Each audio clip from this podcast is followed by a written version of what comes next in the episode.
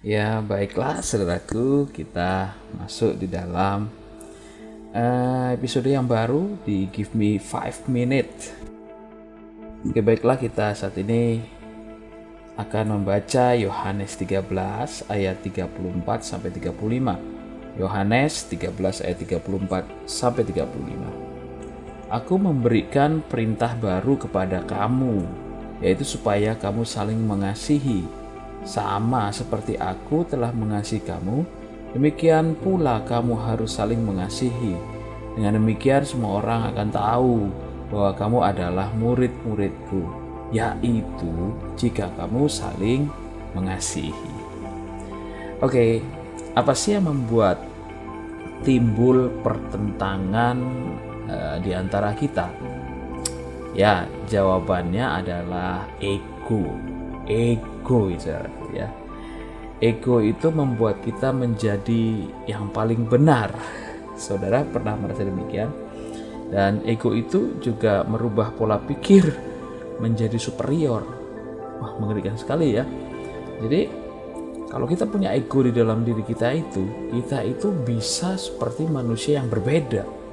Manusia yang memiliki hati yang kepinginnya jadi yang superior Nah, kemudian ego itu sering kali bisa menetapkan nilai pembeda dan gap menjadi lebih nyata. Karena gara-gara ego, kita itu bisa menilai seseorang, saudaraku. Dan kalau kita menilai seseorang tentunya kita akan menjadikan ada jurang pemisah antara kita dengan orang-orang itu.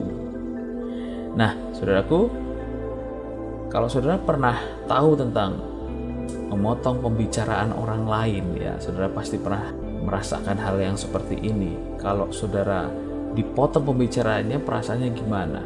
Karena kebiasaan kita jika seseorang itu mau share keberhasilannya, kita juga berhasrat untuk share keberhasilan kita, ya.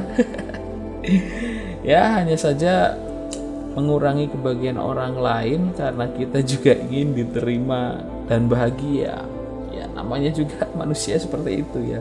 Saya pun juga pernah mengalami kalau ada orang lain mau share tentang keberhasilannya, saya juga berlomba-lomba untuk share keberhasilan saya sendiri untuk ngalang-ngalain dia begitu.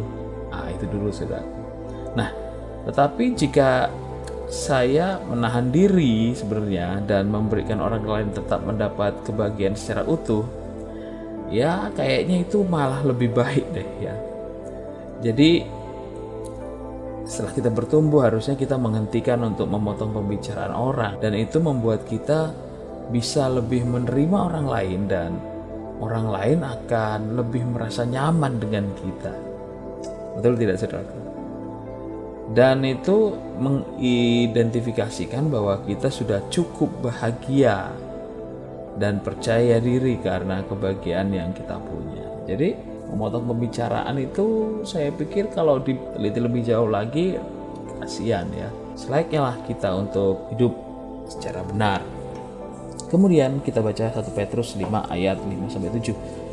Demikian jugalah kamu hai orang-orang muda tunduklah kepada orang-orang yang tua dan kamu semua rendahkanlah dirimu seorang terhadap yang lain sebab Allah menentang orang yang congkak tetapi mengasihi orang-orang yang rendah hati karena itu rendahkanlah dirimu di bawah tangan Tuhan yang kuat supaya kamu ditinggikannya pada waktunya. Serahkanlah segala kekhawatiranmu padanya sebab ia yang memelihara kamu. Jadi jangan membiarkan bola salju itu menggelinding di pikiran kita saudaraku. Masalah akan bertambah besar dari yang semestinya, sehingga mengganggu ketenangan kita. Masalah kita ini cukuplah hari ini, besok memiliki masalahnya sendiri.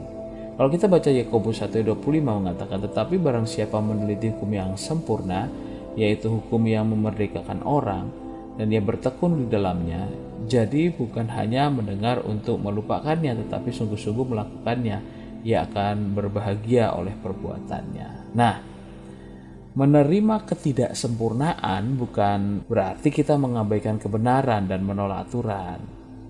Hanya saja memberikan ruang untuk kita bertumbuh secara natural dan sehat.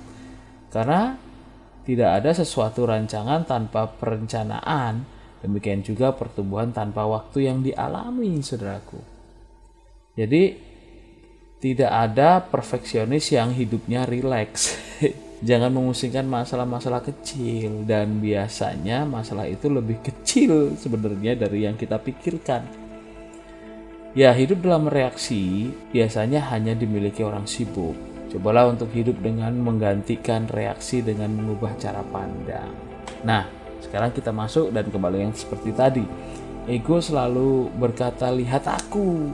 Aku juga bisa lebih baik." Nah, ini yang sering kita alami, Saudara. Makanya Tadi saya kasih contoh kalau kita motong pembicaraan orang lain sebenarnya yang bekerja itu adalah ego kita.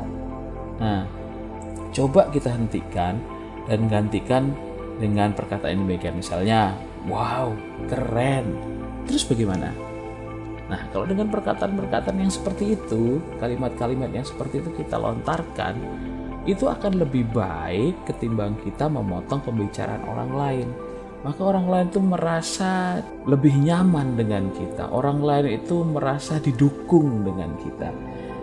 Nah, jadi saudaraku, alangkah berbahagianya kita ini jika kita melihat orang lain berbahagia.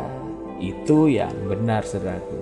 Jadi jangan memilih berbahagia di atas penderitaan orang lain. Ya, kita sebagai anak Tuhan harusnya sudah berbahagia karena Keselamatan sudah diberikan kepada kita secara cuma-cuma dalam kehidupan ini. Kita tinggal di dalam perlindungan Tuhan dan hidup dalam kekuatannya. Saudaraku, marilah kita hidup di dalam kebenarannya. Marilah kita saling mengasihi satu dengan yang lainnya karena dengan mengasihi satu dengan yang lainnya mencerminkan bahwa kita itu anak-anak Tuhan, kita itu murid-murid Kristus. Semoga firman Tuhan ini boleh memberkati kita semuanya. Tuhan Yesus menyertai senantiasa. Amin.